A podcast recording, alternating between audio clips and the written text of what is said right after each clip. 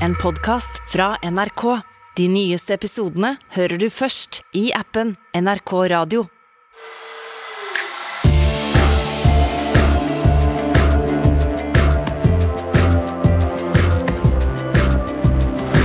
Hva er det som skjer i USA? Kan kvinner miste retten til abort? Vi oppdaterer på rettssaken mellom Johnny Depp og Amber Heard. Og vi tar en prat med Formel 2-stjerne Dennis Hauger. Jeg heter Ole Klevan. Jeg heter Imaraki. Og jeg heter Fanny Odden.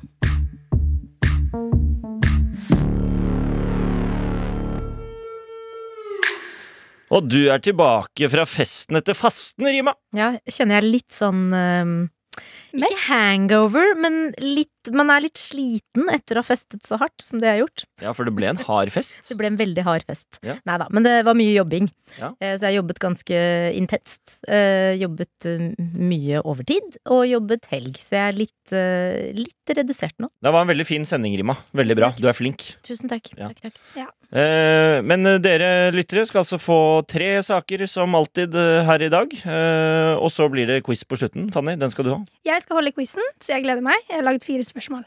Eh, kjempebra. Mm. Vi Bare sånne oss. Harry Potter-spørsmål. Nei, Helt sikkert. jeg prøvde har prøvd å tenke eh, spørsmål som eh, si, gagner alle her. Eller sånn spørsmål som eh, Noe for alle, alltid. Ja, Det er knallharde nyhetsspørsmål. ja, det, ja, Det er alt vi spør om. Ja, det er alt vi trenger.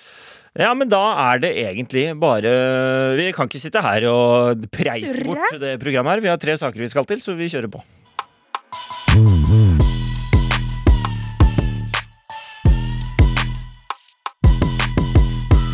Dennis Hauger er vår mann som nå har muligheten til å bli den første norske Formel 1-føreren noensinne. Det er Men Norge har aldri hatt noe der før. Nei, vi har ikke det. Det er Det er, det er, det er kjempestort. visste jeg faktisk ikke.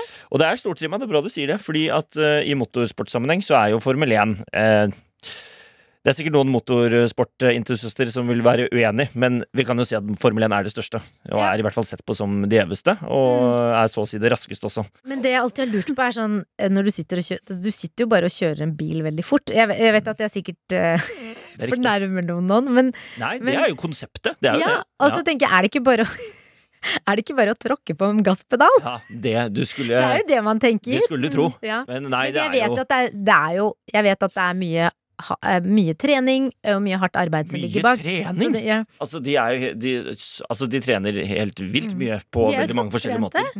Om de er topptrente? Ja. Altså, det er jo gæren. De er på en måte topp- Og topptrent det, du må huske at det å sitte i en Formel 1-bil eh, Altså Du kan komme opp i hastigheter på over 350, 350 km i timen, og du har krappe hårnålsvinger, og de kjører på noen av de verdens farligste racerbaner. Det er enorme G-krefter.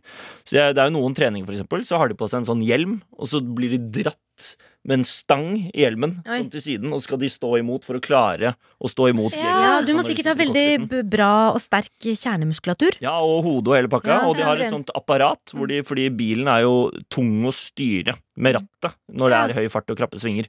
Så de har jo sånn eh, vekter, og sånn ratt som er festet til vekter, hvor de sitter sånn og Dette er veldig lite radiovennlig, det jeg viser nå, men hvor de vrir veldig hardt på rattet og liksom Ole skal bli sterk i armene men det er interessant, altså, for jeg, har aldri, jeg har alltid tenkt på det at det- hvordan trener man for å bli god eh, Nei, det er samme. Mye, ekstremt mye fysisk, og så er det jo mye teknisk og sånn. Eh, men i tillegg så har jo Formel 1-interessen i Norge skutt i været. Eh, spesielt etter Netflix-serien Drive to Survive. Der viser jo politikken, drama, økonomien bak penger. disse Formel 1-lagene. Det er ekstremt mye penger. Eh, og så er det veldig spennende med alt det som skjer på baksiden også. Eh, av liksom Ja, ja. politikken og intrigen og sånne ting. Formel 1-publikum i Norge har flerdoblet seg de siste årene. Dennis Hauger er jo også mye av grunnen til det. For han er da i Red Bull sitt juniorteam. Der har han vært Ja. siden 2018. I fjor så vant han Formel 3-mesterskapet. Og nå kjører han i Formel 2. Eh, og her kjører han, som i fjor, for det italienske laget Prema Racing. Du har jo spurt en, i en tidligere episode, Rima, eh, hvilke forskjellige formelgrupper man har. Ja, jeg ble jo sjokkert da jeg Ja. fant ut at det var noe som het Formel 2. Jeg Ja. trodde bare det var noe som het Formel 1. Ja. Så jeg kan si det kjapt. Man har Formel 3, Formel 2 og Formel 1. Eh, Formel 3 er på en måte juniornivå. Litt Mm. mindre biler, kjører litt mindre fort. Formel 2 så er et nivå over det. Litt raskere og litt uh, sjukere biler. Og så er Formel 1 da det gjeveste. Da er du proff, da er du best. Og så er jo litt av grunnen til at man prater om Formel 1 at det er så stort, er fordi at i Formel 1 så er det bare ti lag. Mm. Og det er to førere på hvert lag. Så det betyr at det bare er 20 utøvere, og det er 20 plasser i Formel 1. Og ja. det er mange om beinet. Ja, det er Det er nesten ingen, det. måte ekstremt stort, og så er det så få folk. Yes. Som Så når du da har Ja. Kommet gjennom nåløyet, da er du veldig god. Det er litt det. Med en gang du får Formel 1-plass, så blir du på en måte superkjent, og du får eh, selvfølgelig høye lønninger fra Mm. laget. Spørs hvilket lag du ender på, selvfølgelig. Eh, Men det å komme og få Formel 1-plass, det er veldig, veldig gjevt, da. Ja. Eh, Men så Dennis Hauger har hatt en litt trøblete start på sin første Formel 2-sesong nå i år. Men han er jo veldig talentfull og dritflink, og han kom på tredjeplass i spurten i Italia for eh, et par uker siden. Ja. Og så skal han eh, kjøre race i Barcelona om to helger. Eh, han er jo en veldig travel mann, så det er vanskelig å få tak i han. Men jeg har selvfølgelig fått tak i han. Hei, har du? Ja, ja. Eh, så jeg har tatt en prat med han, men jeg måtte liksom gjøre det på tidspunktet han kunne. Han er i London. Eh, Ja. Så da måtte Trude, produsent og jeg, bare gjøre det, så dere fikk dessverre ikke vært med. Nei, Men eh, da tenker jeg at vi bare kan jo høre på praten jeg hadde med Dennis, og høre litt hvordan det er for ham akkurat nå. Hei, går det bra? Her går det veldig bra. Går det bra med deg òg? Ja, det går fint. Sliten? Litt, men jeg har fridag i dag, så da kan man være litt sliten. Så deilig. Ja. Eh, det er jo Formel 1-feber eh, i Norge nå, og sporten har jo blitt veldig mye mer populær den siste tiden. Hva tenker du om det? Nei, jeg syns det er eh, ekstremt kult med det første. De siste årene har det jo vokst veldig, og spesielt Norge også kanskje har jo vært litt mer vinteridrett kanskje før. Eh, men man ser jo at andre idretter kommer opp nå, nå som eh, det er flere nordmenn som gjør det bra i dem òg. Så det er jo veldig kult å se den interessen vokse, og også spesielt for meg er det selvfølgelig viktig eh, på den siden når jeg kommer oppover i gradene. Det at så mange har lyst til at du skal komme opp til Formel 1, er det noe som motiverer deg når du kjører, eller er det, liksom, er det forstyrrende? Ja, jeg tror ikke det er forstyrrende i hvert fall. Um, jeg tror det er mer motivasjon å se at folk støtter og følger med. da. Um, så jeg legger ikke noe ekstra stressfaktor i det på den måten. Um, jeg er jo veldig i min egen boble gjennom sesongen med så mange reisedager og, og alltid noe som skjer. Så um, jeg vil heller tatt det som en motivasjon da, at, uh, at det er folk som følger med og, og heier. Altså, du er jo 19 år, du lever jo et ganske annet liv nå enn det andre 19-åringer gjør. Hva, så hvordan ser livet ditt ut for tiden? Hva, hva gjør du, på en måte? Hvordan ser en dag ut? Nei, det er jo over 200 reisedøgn gjennom sesongen, det er, så det er selvfølgelig en del eh, farting. Mm. nå er jeg jo i England, eh, der jeg er hos Red Bull-teamet og kjører litt simulator, trening og, og skal følge med gjennom løpshelgen i Miami denne uken. Så eh, reiser jeg videre til Italia, til teamet jeg kjører for i Formel 2. Um, så det er jo alltid noe som skjer, og ikke så veldig mye tid hjemme eh, gjennom sesongen. Eh, men men uansett så er jo det noe jeg har vært vant til med siden jeg har vært, uh, vært liten og kjørt til utlandet. Så um, det er jo et vanlig år for meg sånn sett, da. Ja. Men savner du da, når du sier hjemme, savner du familie og venner og sånn mye, eller? Ja, jeg vil si til tider er det jo spesielt når du har uh, reist i en måned f.eks. Så er det jo selvfølgelig godt å komme hjem uh, til familie og venner og på en måte koble av litt. Spesielt etter løp så føler jeg at det er veldig avslappende. da. Å bare komme hjem og være litt vanlig tenåring og, og koble litt av fra alt. da. Og jeg føler at det også resetter meg litt bedre for eh, ja, neste løpshelg. og og for å holde alt oppe da, eh, gjennom en så lang sesong med opp- og nedturer, så, så er det godt å kunne ha litt sånne disconnects innimellom for å, for å recharge. da. Ja. Når du slapper av, hva, hva gjør du da? Er du på fest, eller gamer du, eller hva, hva gjør du? Nei, da går jeg selvfølgelig i trening når jeg er hjemme òg, men, men det er jo det å kunne henge med venner da, og se familie, slappe litt av hjemme. Og du bor jo på hotellet oftest eh, gjennom, gjennom sesongen, så det å bare kunne sove i sin egen seng og slappe av litt, det er eh, godt i seg selv. Ja, det skjønner jeg. Men du kjører jo i en bil i flere hundre kilometer i timen. Blir du noen gang redd når du skal kjøre? Nei, jeg tror den fryktfaktoren, i hvert fall gjennom løpet Du er i en sone, og du har så ekstremt fokus som du må ha når du kjører over 300 km i timen med sju andre utøvere. Så da er det ikke så mye annet man tenker på enn de oppgavene man skal gjøre. da, Og, og det fokuset man har. eh, Soner liksom ut alt det andre. Men det er selvfølgelig innimellom man får litt sånn aha-opplevelser. da, eh, Som f.eks. i 2019, da en Formel 2-fører omkom, dessverre. Og det er jo sånn som heldigvis ikke skjer så ofte, men det viser jo også hvor farlig den sporten vi driver med er. da. Så man må jo ha respekt for det, selvfølgelig. Men når man kjører på grensen med bilen i så høye hastigheter, så må man også ha den commitmenten. da. Og har man ikke det, så kan det være enda farligere. Ja, for når du, I Italia for eksempel, så ble du krasjet inn i, og så kjørte du i veggen. Når det på en måte smeller, hva, hva tenker du da? Det skjedde så fort, og plutselig var jeg i veggen. Og, og de reaksjonene og, og tiden det skjer på, er så kort, da. Um, så jeg tenkte egentlig bare faen. men, eh, men nei da, det er jo selvfølgelig sånn at man ikke vil skal skje. Um, og jeg var heldig at det ikke skjedde i en høyere hastighet uansett. Um, så sånn sett så gikk det greit. Jeg måtte bare en liten tur på legevakta for at de ville sjekke meg, men ellers så gikk det jo helt fint. Det er jo sånt man uh, prøver å unngå, men i den idretten også kan jo det skje, selv om eh, ja, man kjører for å vinne, ikke krasje. Ja, det, det er bra motto å ha. eh, men hva, sy, hva, hva syns du selv kanskje er, er det tøffeste på en måte med, med sporten? Å drive med det du driver med? Jeg vil nok si noen av de tøffeste tingene er jo kanskje det Kanskje det folk ikke ser så mye på skjermen, da. Alt det som skjer bak.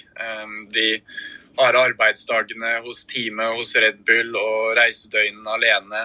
Du, du lever på en måte litt ensomt liv i din egen boble da, eh, når du, når du reiser så mye og jobber så hardt for å eh, nå det målet som, ja, som, du, som du elsker å gjøre.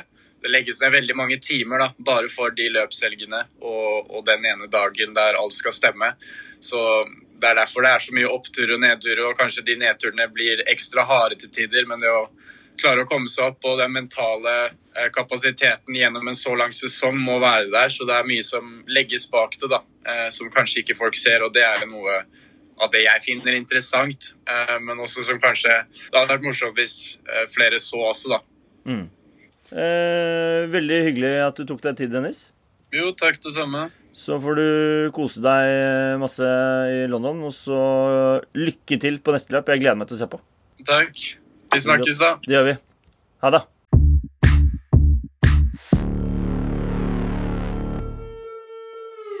Se for deg at det sitter noen mennesker, noen få, et fåtall mennesker, eh, la oss si ni stykker, eh, og bestemmer over din kropp. Eh, De bestemmer om du skal få lov til å ta abort eller ikke.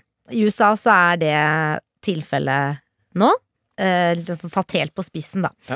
Eh, det er mange kvinner og menn som kjemper for abortsaken, eh, som er rasende nå. Eh, og dette er jo en sak som i utgangspunktet splitter folk i USA, eh, Mm. abortsaken.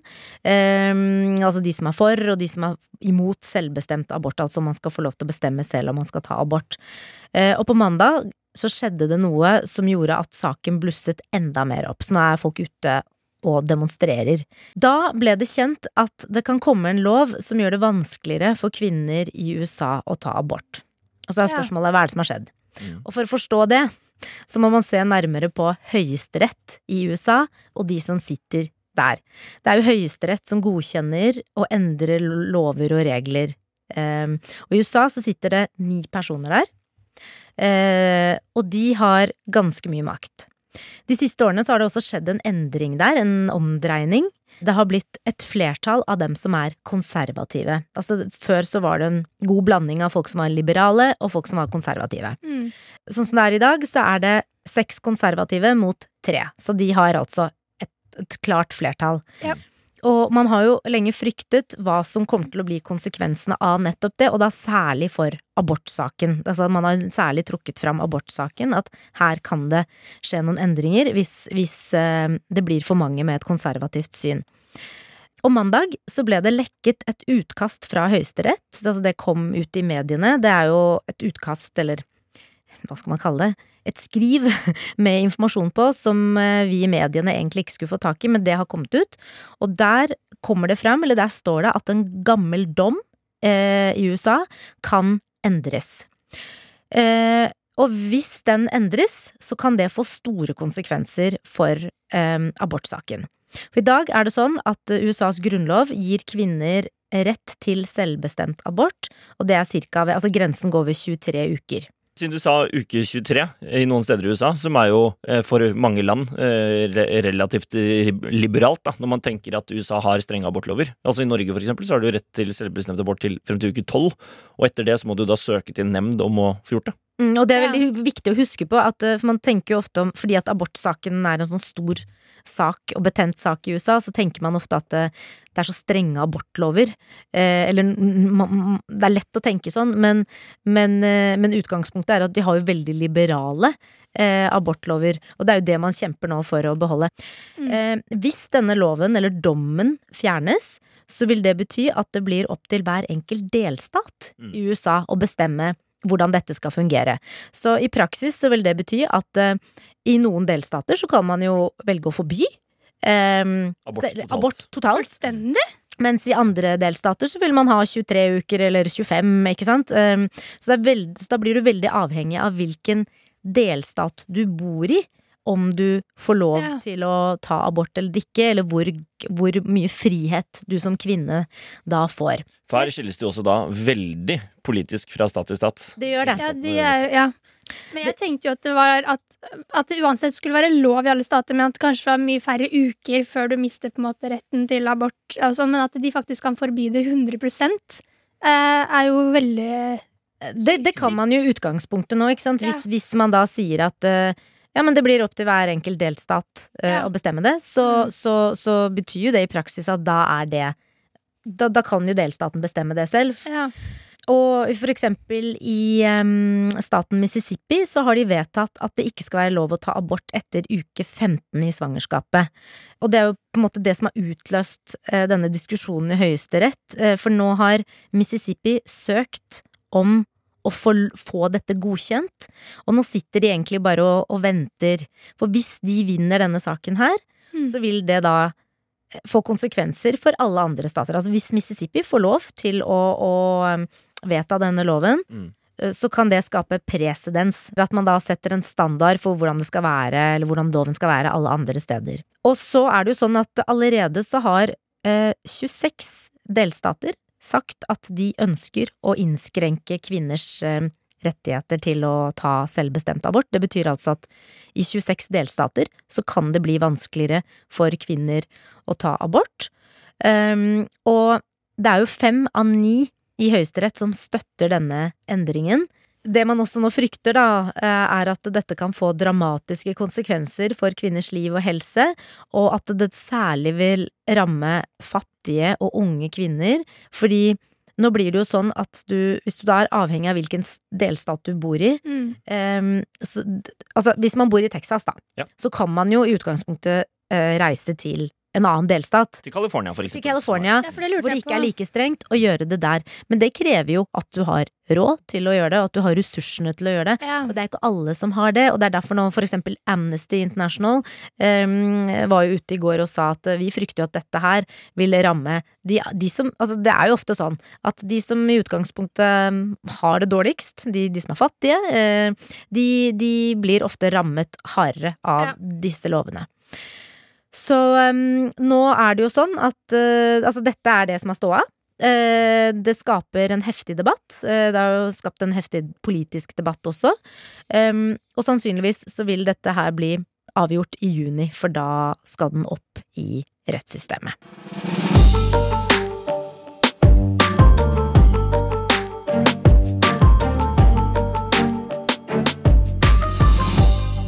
Det er jo en av de aller største kjendisrettssakene, nesten, kan vi si, som foregår akkurat nå. Det er jo rettssaken mellom Johnny Depp og Amber Heard. Eh, vi snakket jo litt om den i forrige pod-episode, eh, og som vi sa da, så eh, hvis det skjer noe nytt, så skal vi oppdatere. Og det har jo skjedd noe nytt, fordi det som er forskjell, eh, eller det som har skjedd nå, er jo at Amber endelig får sin tur til å fortelle sin side av saken. I tre uker nå så har jo Johnny Depp og hans team styrt på en måte litt denne rettssaken her. Han har selv sittet og snakket i vitneboksen, og han har hatt inn sine vitner. Og vi har på en måte ikke hørt egentlig noe fra Amber sin side. Men nå har det endelig da kommet i gang. Eh, og så har jo veldig mange på internett støttet uh, Johnny Depp veldig mye. Han Jeg har, føler alle har gjort det. ja, ja, det, er, det er jo bare støtte til han der ute. Det, du skal lete lenge for å finne noen som har gitt en eneste positiv kommentar til Amber. Jeg føler ofte det er sånn når det er eh, store kjendiser som mange har et forhold til, at det er Ja. litt sånn vanskelig å tro at eh, vedkommende har gjort noe galt. Man vil kanskje nesten ikke Nei, tro man det. engang. vil ikke Mm. tro det. Uh, ja. Nei, så det er jo det, og han er jo en, åpenbart en mye større filmstjerne enn det Amber er. Det er jo mange som nå er sånn Vi visste ikke hvem hun var engang før nå. Eh, som kanskje ikke er helt sant, men ja, folk har veldig lyst til å støtte han også, så det åpenbart farger jo hele situasjonen her. Og i tillegg så har vi jo ikke hørt fra henne heller, så da er det veldig lett å ta det partiet Parti. som du har hørt fra. Mm. Eh, men nå er det da endelig hennes tur igjen. Allikevel så har jo ikke hun fått en sånn kjempestart på denne rettssaken. Det er dår- dårlig start for Amber. Det er en litt eh, dårlig start. Um, eh, så det skal vi jo gå litt inn på. Det jeg bare tenkte å si aller først De ble jo gift i 2015, og i 2016 så søkte hun om skilsmisse fra han. Så i 2018 får hun publisert en kronikk i The Washington Post hvor hun snakker om metoo-bevegelsen og at hun selv har vært et offer for vold. Nevner som sagt ikke Johnny Depp er med navn i det hele tatt, men alle pekte fingre på han og mente sånn det her må jo handle om han. Eh, Mm. For det er jo akkurat han hun har vært i et forhold med. Eh, så han fikk jo på en måte virkelig føle konsekvensene av den kronikken. Så da har han saksøkt henne for æreskrenkelse, rett og slett fordi at han føler at det her er ikke sant om meg, og nå har du ødelagt ryktet mitt, eh, så det her er helt ugreit. Og så har hun da saksøkt han tilbake igjen eh, for det samme æreskrenkelse, fordi hun føler at nå tar, ser på folk på henne som en løgner, og at det, at det egentlig ikke er sant, at hun bare forteller sannheten. Så det er derfor vi er i retten her. Ja, det var fint du sa, fordi Selv om vi snakket om det forrige gang, så har jeg hele tiden tenkt at det handler om hvem som har vært voldelig mot hvem. Ja. Eh, Jeg har ikke tenkt på egentlig at det handler om at man saksøker i forhold til at han følte seg krenket av den, eh, av den kronikken. Ja, ikke At ryktet er ødelagt. Ja, Mm, så det Eller er at man det- føler at ryktet er ødelagt. Ja. Eh, og så, ikke sant, som jeg sa det har jo ikke gått så veldig bra for henne nå helt i starten. Forrige uke på torsdag så måtte hun sparke sitt eget PR-team fordi hun føler at dekningen av hele saken har vært veldig negativ for hennes del. Det kan jeg jo være enig med henne i. At det, det har blitt sviktet PR-messig der. Det har jo ikke gått sånn veldig, det har ikke vært så mye bra utom henne akkurat, eh, og veldig mange som favoriserer Johnny Depp. Eh, Så hun sparket eh, PR-teamet sitt som het Precision Strategies, og så har hun fått seg et nytt PR-team nå, da.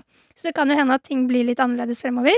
I tillegg så har jo Amber hatt sitt aller første vitne i eh, vitneboksen eh, i denne rettssaken her. Det var en psykolog eh, som har vært ekspert på vold i nære relasjoner i mange år. Eh, og hun har da snakket med Amber, og, og det hun vitnet om, var jo at Amber eh, måtte ha fått eh, posttraumatisk stresslidelse på grunn av å ha vært i et forhold hvor det er vold da, i nære relasjoner. Og så har jo også Amber selv nå kommet eh, og begynt å snakke. Og det var nesten overraskende hvor tidlig hun ble satt i den vitneboksen. For det tok jo på en måte to uker før Johnny selv begynte å fortelle. Hadde jo masse vitner før det. Mm. Men Amber er allerede i gang nå. Eh, og det er Men er det ikke fordi at eh, det er han som i utgangspunktet saksøker henne?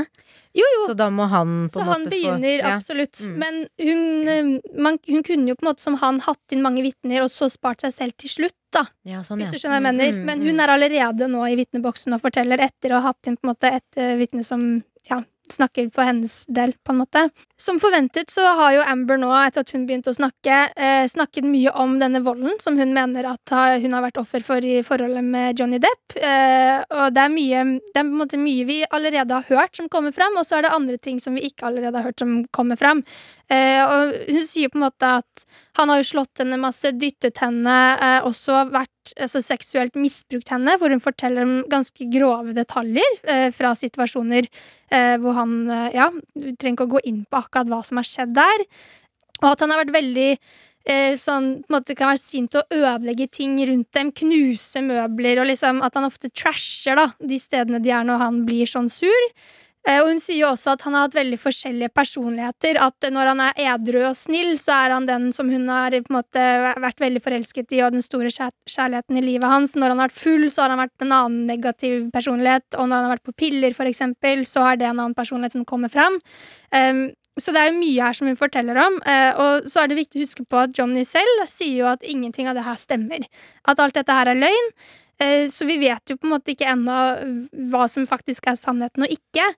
Nå har jo også bare advokatene til Amber vært de som har stilt henne spørsmål, så de stiller jo også spørsmål som løfter henne opp, ikke sant? Sånn som eh, Johnny Depp sine gjorde når han satt i vikteboksen.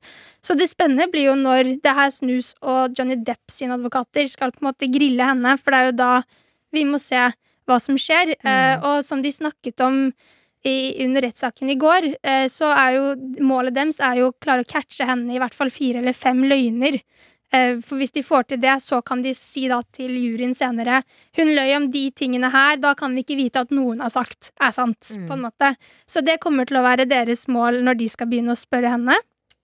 Det er en sånn vanlig strategi, ikke Ja. Å få, få motparten til å fremstå som lite troverdig. Akkurat. For hvis du får det til å fremstå som lite troverdig, så er det sånn ja, men alt de sier er bare Da kan vi ikke stole på noen ting her. Nei, Så nå er det i hvert fall det som skal skje videre, er jo etter hvert at hvert fall Johnny Depp sitt team skal spørre henne. eh, og det her kommer jo til å vare kanskje to-tre uker til. Det skal jo være en rettssak som skal vare i ca. 67 uker. Så vi er jo vi er litt over halvveis, da, eh, kan vi si, egentlig. Så det blir spennende å se.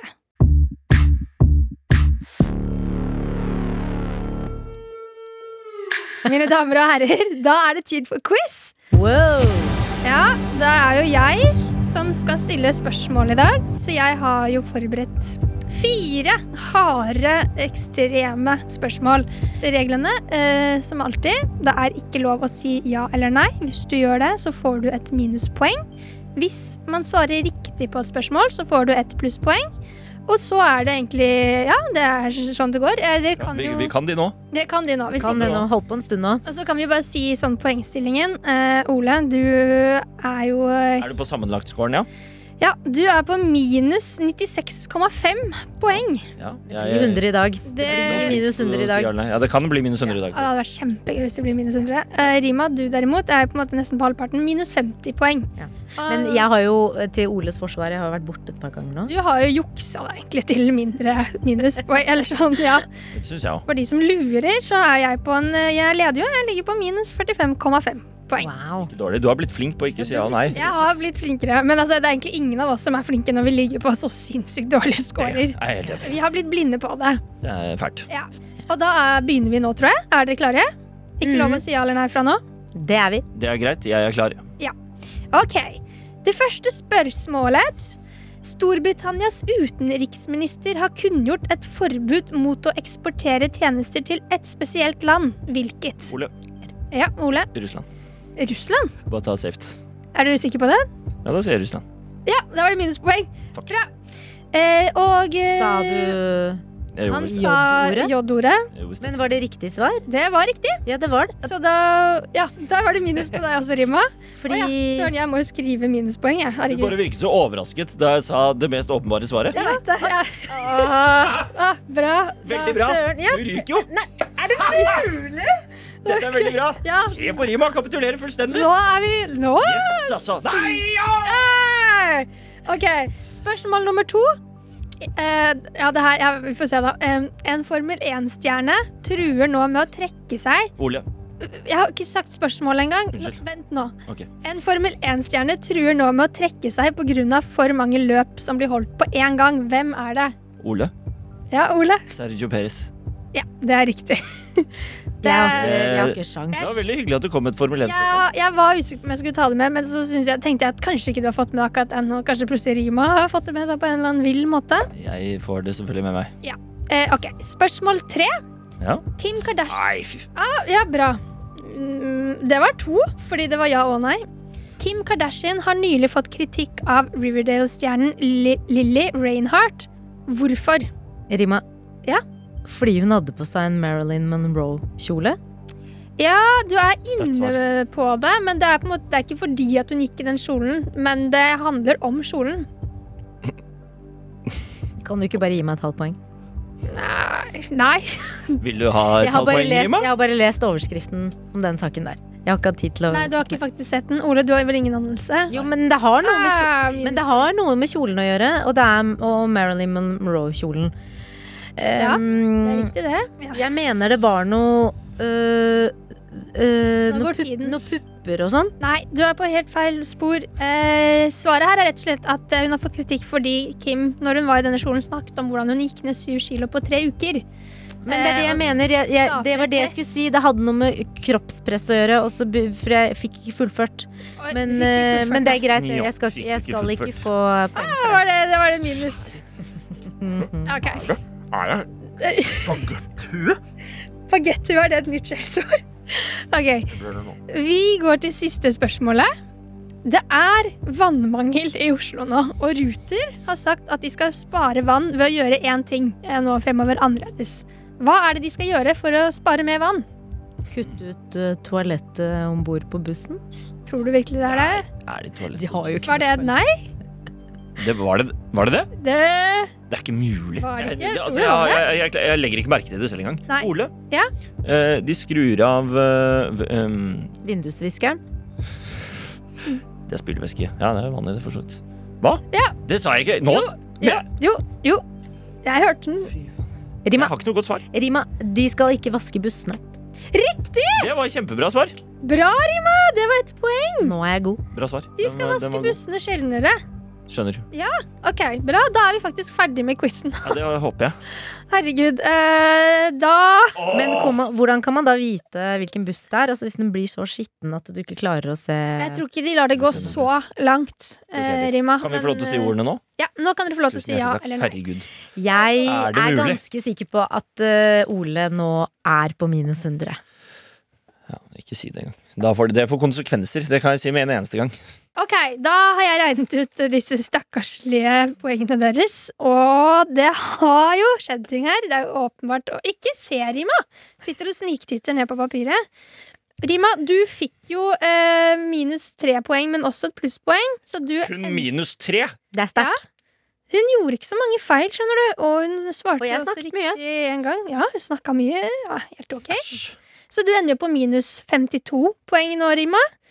Ole derimot, eh, der gikk det gærent. Det var eh, en del minus. Du fikk to riktige svar, men Ja. du endte opp med å få minus 9 til sammen. Så du ender jo opp på en score på minus 105,5. Da er vi på minus 100! Yes! Eh, jeg Men det- tenker Tenk jo at at det var du som innførte denne quizen med disse reglene, og så ender du opp med å gjøre det så dårlig. Jeg føler at vi må begynne å runde av den quizen her. Altså, sånn, vi kan ikke ha med, vi kan ikke, hvor lenge skal vi holde på med en quiz når det har gått så sinnssykt dårlig? Nei, minus 100 poeng. Vi, fra nå av, vi nådde minus 100. Fra nå blir det ikke quiz. Vi nådde ikke minus 100. Du nådde minus 100. Vi er ett team. Ikke akkurat her. Ikke nå. Ja, det er grenser på hvor ydmykende dette skal bli, så det er greit å bare kutte det ut. Ja. Konsekvens av at jeg nådde minus 100, er at vi tar ved quizen fra nå av. eh, ut sesongen. Og hvis dere lyttere syns det er helt forferdelig, så kan dere godt sende inn. Eh, nei, vi vil gjerne ha quiz.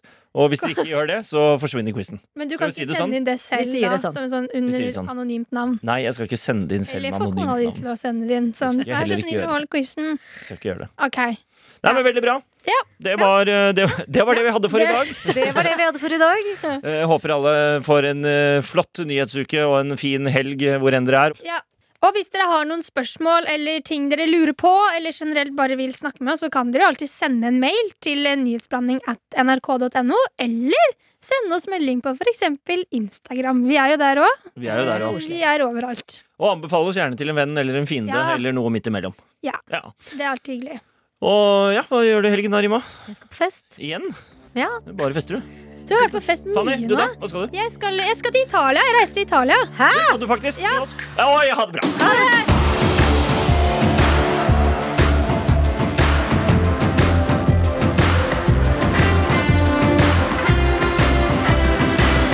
Du har hørt på Nyhetsblanding. Produsent er Trude Furuli, og ansvarlig redaktør er Espen Olsen Langfelt. Du har hørt en podkast fra NRK. De nyeste episodene og alle radiokanalene hører du først i appen NRK Radio. Ja, hallo, Martin Lepperød her. Henrik Farli her. Og Jonis Yusuf Abdullah. Vi lager en podkast som heter Dynga. Eh, Det er en søppelpodkast. Det er en søppelpodkast av og med søppelfolk. Vi, halve podden handler om oss, andre halvparten handler om deg der hjemme. Hvis du er lei av tre unge menn som fjaser om å være tre unge menn, så er dette her podkasten for deg! Ja. Eh, Gi det et forsøk. Liker du det, velkommen til familien. Liker du det ikke, Get out Ja, det er på en måte verdt å sjekke Get ut. Ja, det er jo verdt å sjekke ut. Get. Det er sånn artig Jeg, jeg syns det er god stemning. Ja, Get in here or get out of Get here. in! Det er gratis. Og, og, og, og hvor veldig mange av de andre podkastene som har kvalitet, har gått bak betalingsmur, så har vi skjønt vår verdi. Så Og vi, er vi kjører mantraet Get what you pay for. Det er ingenting. Nei, nettopp. Ja, men Det er jo det som er vitsen, Martin. dy- dynga ligger klar. Ha, ha det!